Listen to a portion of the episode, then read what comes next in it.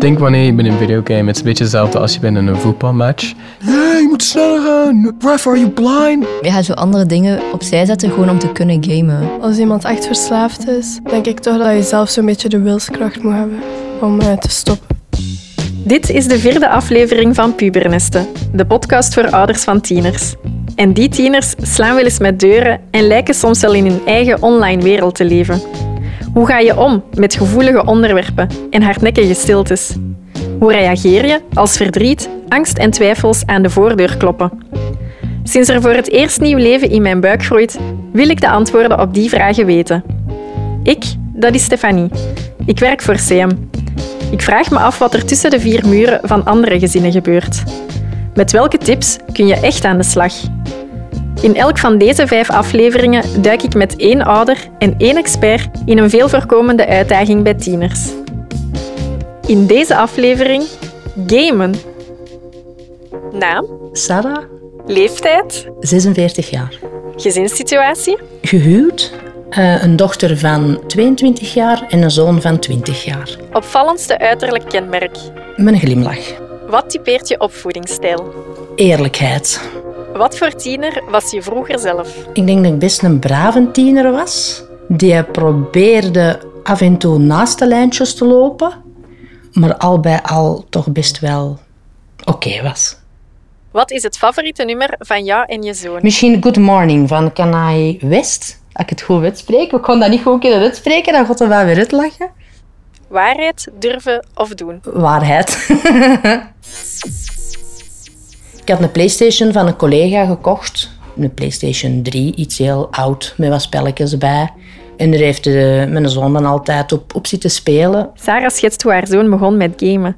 En hoe dat vervolgens uit de hand liep. Maar als hij 14 werd, dan had hij centjes gekregen voor zijn verjaardag.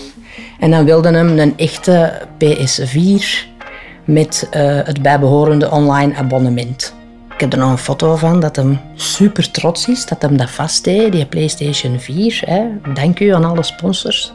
En uh, sinds dat hem dan online begon, kwam er eigenlijk druk. Want dan zat hem in online teams met online mensen die dat hem eigenlijk niet kende, maar die dat hem als zijn vrienden begon te beschouwen.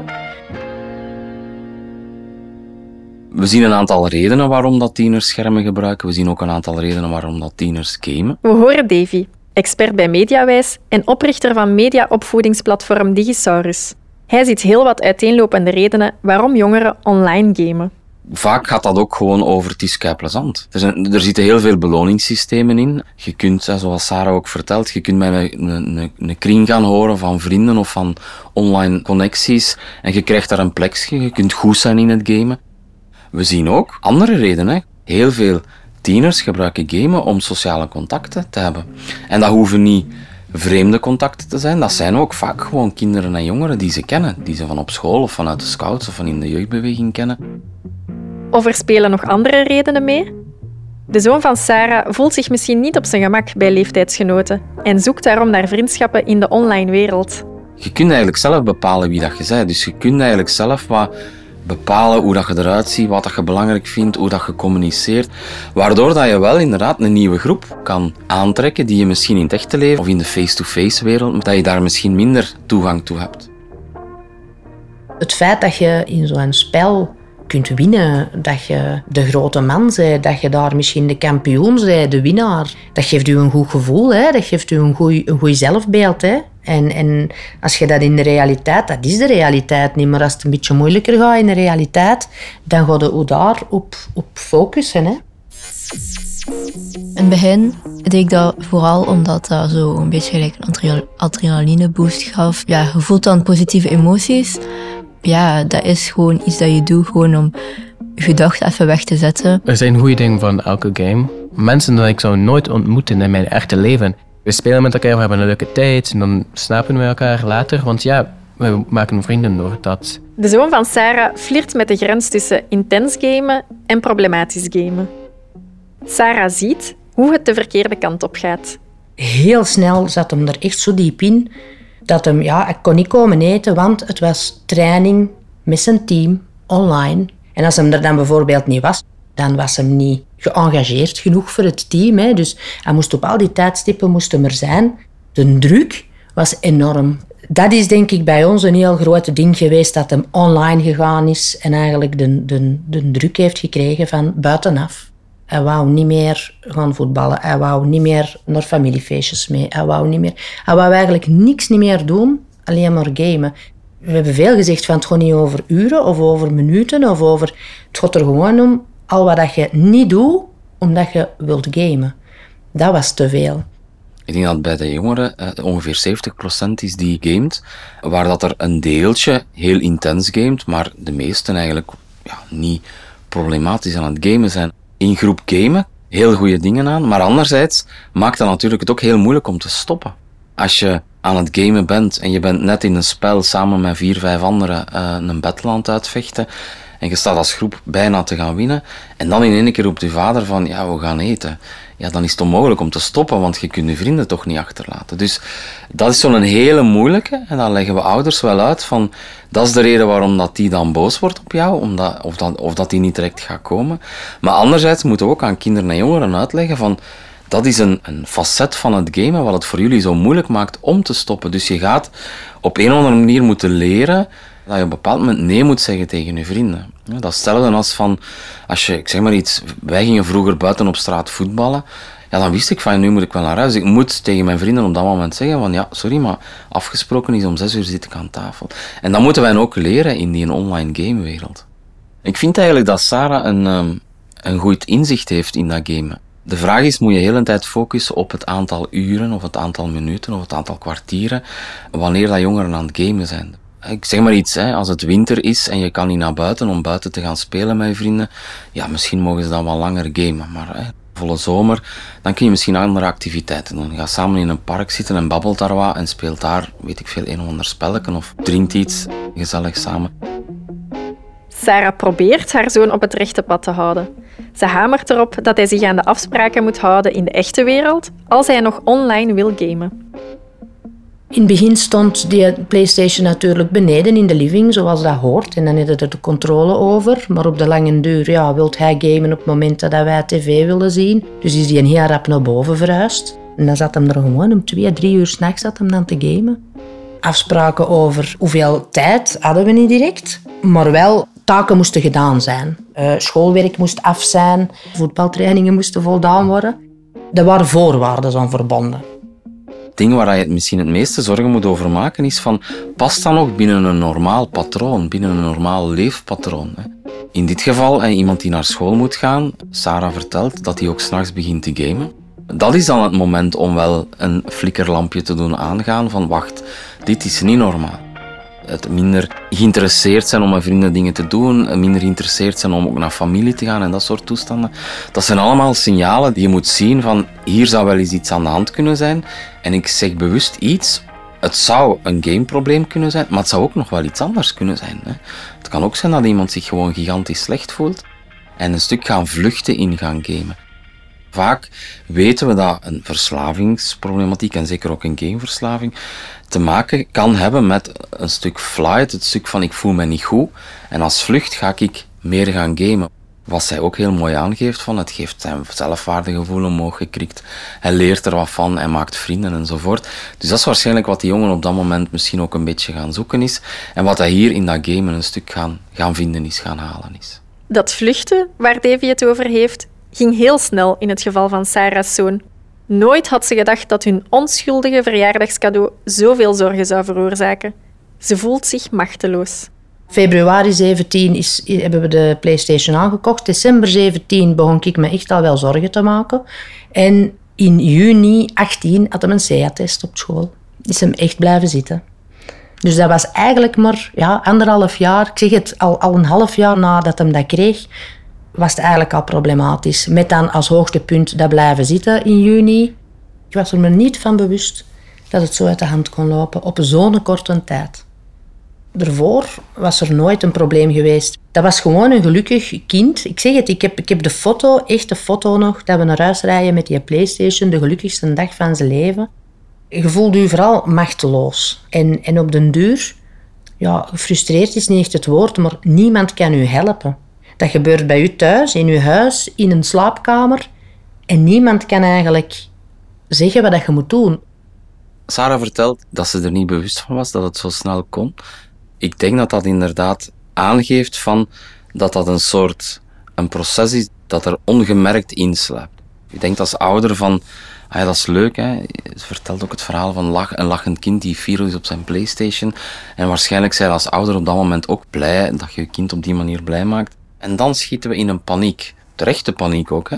Maar ik wil eigenlijk heel sterk geloven dat we eigenlijk ouders bewuster moeten maken in de periode daar nog voor. En dat heeft niet alleen met afspraken en controle te maken, maar dat heeft ook gewoon te maken met openheid. Dat heeft ook te maken met praten over. Praten over hoeveel, maar praten met over wie. Misschien zelf eens samen gamen, misschien zelf de game eens verkennen. Misschien op YouTube gewoon de trailer bekijken voordat je een game koopt voor je kind.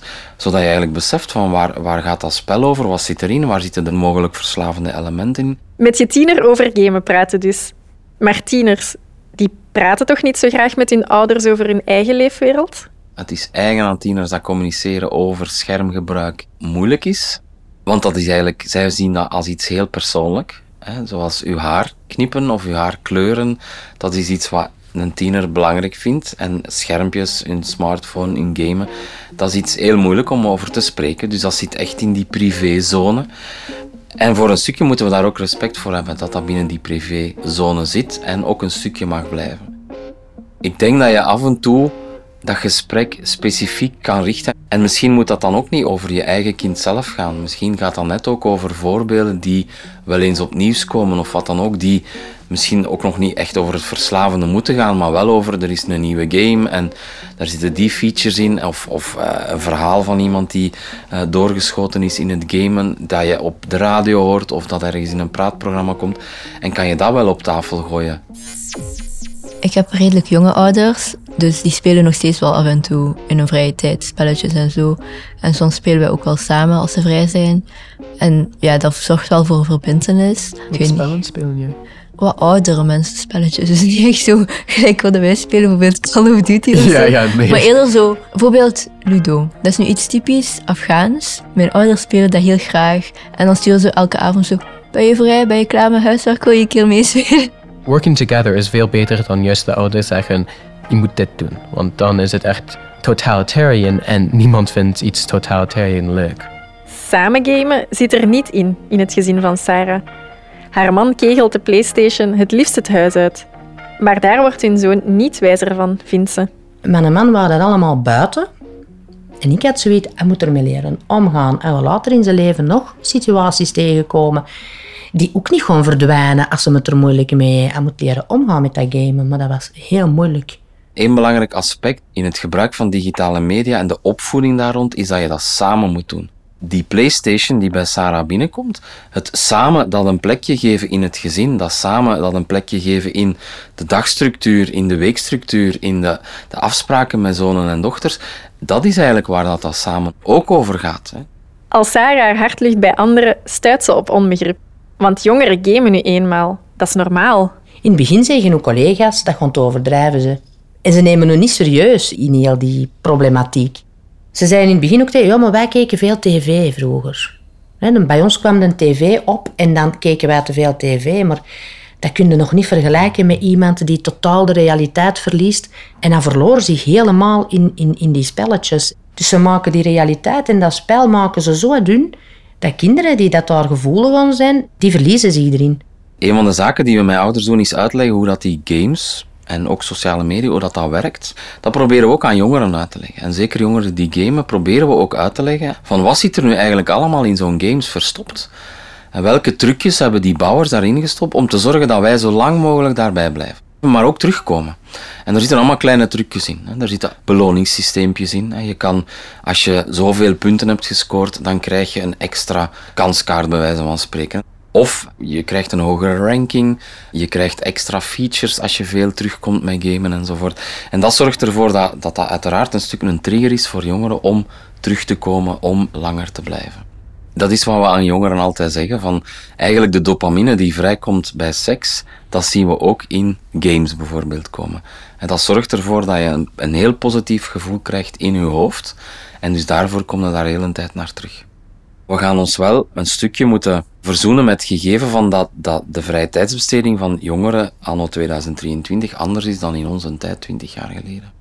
Sommige ouders die wij bij ons krijgen, of die na de lezingen soms wel komen, die hebben het gevoel van we mogen niks meer verbieden, we mogen niks meer straffen, we mogen niks meer eisen van onze kinderen, of we mogen er niks meer opleggen. Ik denk dat dat niet is. Ik denk dat je echt nog wel een aantal verwachtingen als ouder mag hebben. De manier waarop dat we dat doen is anno 2023 niet meer de manier dat we dat 50 jaar geleden deden. Maar ik denk dat wij nog wel een aantal verwachtingen mogen stellen van onze kinderen en jongeren. Ik ben altijd wel de persoon geweest waar dat hij het meeste naartoe ging met alles. En wij konden goed praten over van alles. Maar over dat gamen, allez, hij vond dat wij overdreven. Wij waren precies uh, ouderwetse ouders voor hem. En uh, wij begrepen niks van dat gamen. En uh, we waren een generatie te ver precies voor hem. Dat is het probleem met ouders. Ze zijn te oud. Ik denk dat ouders meestal hebben deze oh my god ideeën van gamen. Want ja, er zijn kansen dat je kan verslaafd worden. Ik denk dat inderdaad we nu in een tijdsgevricht zitten waar een aantal ouders nog niet heel goed weten wat er allemaal digitaal gebeurt. Of wat, ze allemaal, jongeren allemaal via sociale media of via gameplatformen en alle andere uh, mogelijkheden allemaal doen. Dat geeft hen denk ik een soort ongemakkelijk gevoel. Een soort van onbehouwenheid van hoe moet ik daar nu mee omgaan. Ik denk dat dat juist is in de zin van hoe we technisch met al die dingen omgaan. Ik bedoel knoppenkennis. Wat moet ik doen om op Instagram een foto te kunnen plaatsen, likes te krijgen? Ik denk dat jongeren dat inderdaad veel beter onder de knie hebben dan ouders. Ik denk dat ouders een hele andere rugzak te bieden hebben in die begeleiding van hun kinderen. En dat is, daar zit een gigantische pak levenservaring bij ons in onze rugzak. En ik denk dat net die levenservaring, hoe gaan we om met een aantal situaties online, dat wij als volwassenen die wel beter onder de knie hebben en dat het eigenlijk dat is dat we aan onze kinderen moeten meegeven. Het gaat er maar over van, we moeten onze kinderen uitgelegd krijgen dat zij niet uit zichzelf mediawijs zijn van bij de geboorte. Dus dat wij als ouders iets moeten doen voor hen, waardoor dat zij dat leren. En dat klinkt nu zo heel belerend wat ik vertel, maar het gaat er maar over van zo vroeg mogelijk, zo snel mogelijk moet je daar open kunnen over gaan praten. Volgens Davy maakt Sarah de juiste keuze door de PlayStation niet van haar zoon af te pakken. Praten is de boodschap. Maar hoe hard Sarah ook probeert, ze lijkt niet tot hem door te dringen. Ondertussen zakt de sfeer in het hele gezin tot onder het vriespunt. Dat ligt een dingen op een gezin, hè, ook op het andere kind dat er dan is, die daar ook constant mee geconfronteerd wordt. Die is twee jaar ouder, die zat ook in een puberteit. Maar ik heb er toen in die tijd ook wel veel sms'jes van gekregen van... Als het vakantie was, dan verloor hem helemaal zichzelf in de niet-structuur van de dag. En dan uh, kreeg ik er heel de sms'en van. Hè, van ja, en dan zit weer boven en dan zit weer heel de dag te gamen. Maar ja, je moet ook gewoon werken. Hè. Je kunt zelf niet, niet heel de dag. En ik zag dat dan niet meer. De dochter mocht zich daar dan ook wel. Die mocht zich natuurlijk ook wel zorgen. En die vond dat ook niet leuk. En die wist dat wij dat dan ook niet leuk vonden. En dat we dan thuis gingen komen. En weer ook altijd, als hem dan zo heel de dag gespeeld had, dan werd hem zo uh, niet aangenaam. Dan was hem niet zichzelf. Ik speelde, maar ik was nooit blij wanneer ik speelde. Als ik echt heel in het spel zit, dan kan ik wel beginnen schreeuwen. Dan wordt wel agressief en luid. Soms als je agressief bent of je zit in dat spel, dan kan je wel ongepaste woorden gebruiken. Ineens beginnen vloeken op je ja, scherm beginnen kloppen of zo. Ik ben constant aan het zoeken geweest naar uh, hulp eigenlijk. Hulp van organisaties, hulp van familie, dat ik toch bleef praten. Voor eventueel tips of, of ik ben eigenlijk blijven er wel voor gaan dat dat ging stoppen. Ik, ik denk dat ik bleef overleven door altijd maar hulp te zoeken. En dan is daar en dan is kinder. Voor mij helpt praten heel goed. Eh, allee, als ik er met mensen over kon babbelen en ik kon dat ventileren, dan ging dat ook wel even uit mijn systeem.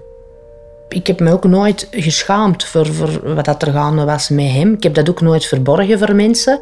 Dat kind heeft dat ook niet echt gekozen. Die heeft dat ook niet willen... Die is er ook maar ingerold waarschijnlijk, zonder dat hem daar... Hè, uh, want je bent wel 14, maar je bent uiteindelijk nog maar 14.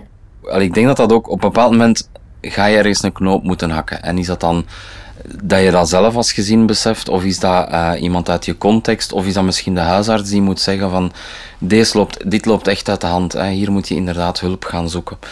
Als de situatie thuis in de beleving van de gezinsleden daar zo onhoudbaar is en zo echt de spuigaten uitloopt. En als, als je daar, als je het gevoel hebt van hier krijgen we weinig aanknopingspunten en daarnaast zien we dat op een aantal levensterreinen, zoals naar school gaan, vrije tijd invullen, sociale contacten enzovoort. Misschien ook gezondheid, ik bedoel dan eten, letterlijk eten en drinken. Hier, hier beginnen we met, met een uitval te komen, of vinden, vinden we echt er zijn een aantal factoren die het echt niet meer oké maken. Ja, dan moet je hulp gaan zoeken. Wat we vaak als eerste zeggen is van probeer dat ding te bespreken met je huisarts. Hè.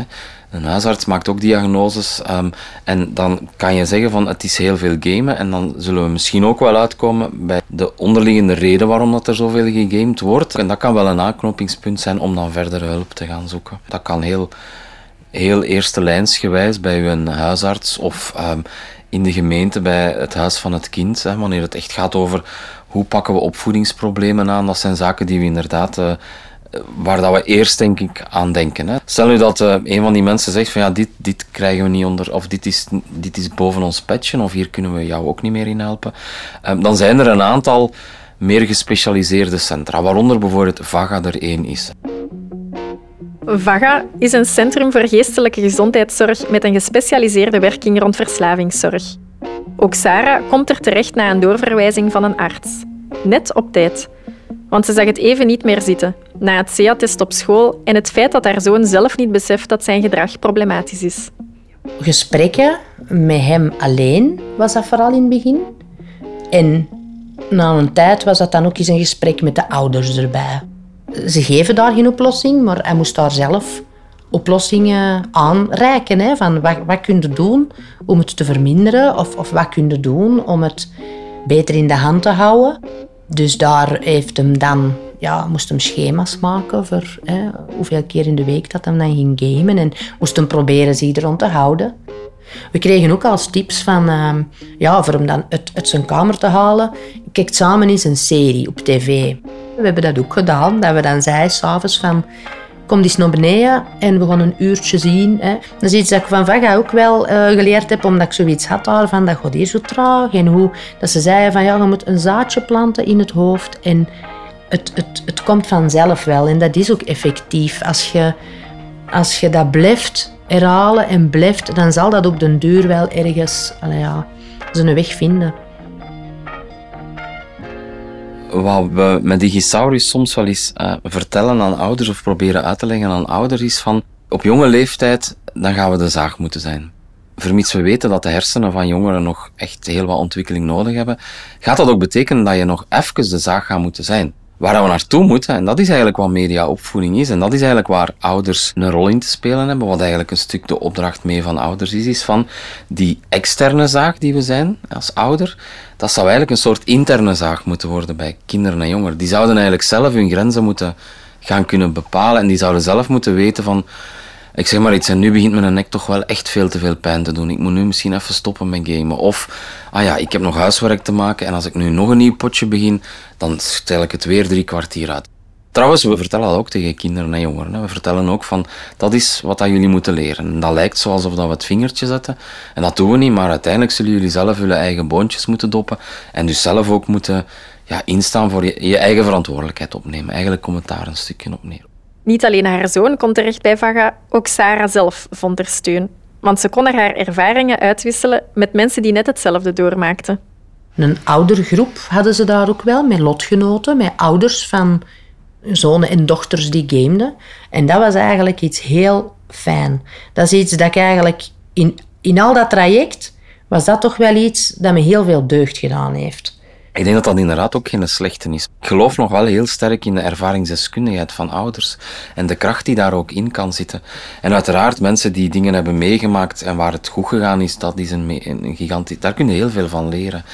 Uh, maar het gaat hem denk ik ook al gewoon al maar over emotionele ondersteuning. Uh, gewoon eens uw verhaal kunnen doen. Uh, ook eens kijk kwaad zijn op hoe, hoe, frustrerend de situatie thuis is. En misschien kunnen dat soort dingen wel hier een stuk gerelativeerd worden ook daardoor. Eindelijk gaat het de goede richting uit. Maar de allergrootste doorbraak, die komt uit onverwachte hoek. Het gezin verhuist om te zorgen voor de moeder van Sarah, die ernstig ziek is. Wat dan gebeurt, had Sarah nooit durven dromen. We zijn hier gekomen in een andere gemeente, in een ander huis, een andere slaapkamer. De eerste weken is dat internet nog niet in orde. Door het feit dat we hem altijd verplicht hadden om te blijven voetballen, waren we in ons nieuwe gemeente direct een nieuwe voetbalploeg gaan zoeken. Hij is gaan voetballen en hij is daar direct in die ploeg omarmd, gelijk, ik weet niet wat, ineens superveel vrienden, een goed gevoel. En dan was dat gamen niet meer nodig. Tegen dat dan eigenlijk dat internet na een paar weken rond was, tegen dat dat in orde was, tegen dat die pc terug was aangesloten en, en had hem dat totaal niet meer nodig. Ineens was dat, was dat voorbij. Hij had vrienden. Ik durf niet heel overtuigend zeggen dat dat soort acties, dat dat eigenlijk altijd werkt. Want we weten toch ook dat bijvoorbeeld heel letterlijk een verhuis soms ook weer zeer negatief kan uitdraaien. En dat dat eigenlijk opnieuw kan triggeren om u niet goed te voelen en toch weer in het eh, extra schermgebruik te duiken. Dus waarschijnlijk is het verhuizen aan zich niet de oplossing geweest, maar zitten daar facetten bij dat verhuizen in dat voor die jongen heel belangrijk geweest zijn. Maar ik denk wel, als het echt extreme gedragsverslaving is, even het internet bij wijze van spreken afzetten, dat dat misschien ook wel even nodig kan zijn om het nadien terug op te bouwen. Dus ik denk dat daar het proces wat gaat zijn, want ga naar andere activiteiten zoeken samen en ga naar andere vrienden, mogelijke potentiële vriendengroepen zoeken. Ga naar andere contexten zoeken waar je je beter in voelt of goed in voelt en probeer dat proces te doen.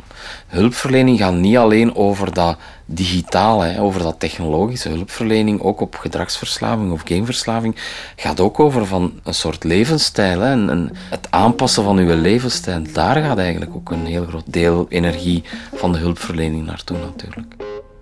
Met gamen niets dan last, zou je nu kunnen denken. Een begrijpelijke gedachte. Al wil Davy toch een lans breken voor de rits en voordelen van gamen. Er bestaat veel onderzoek rond.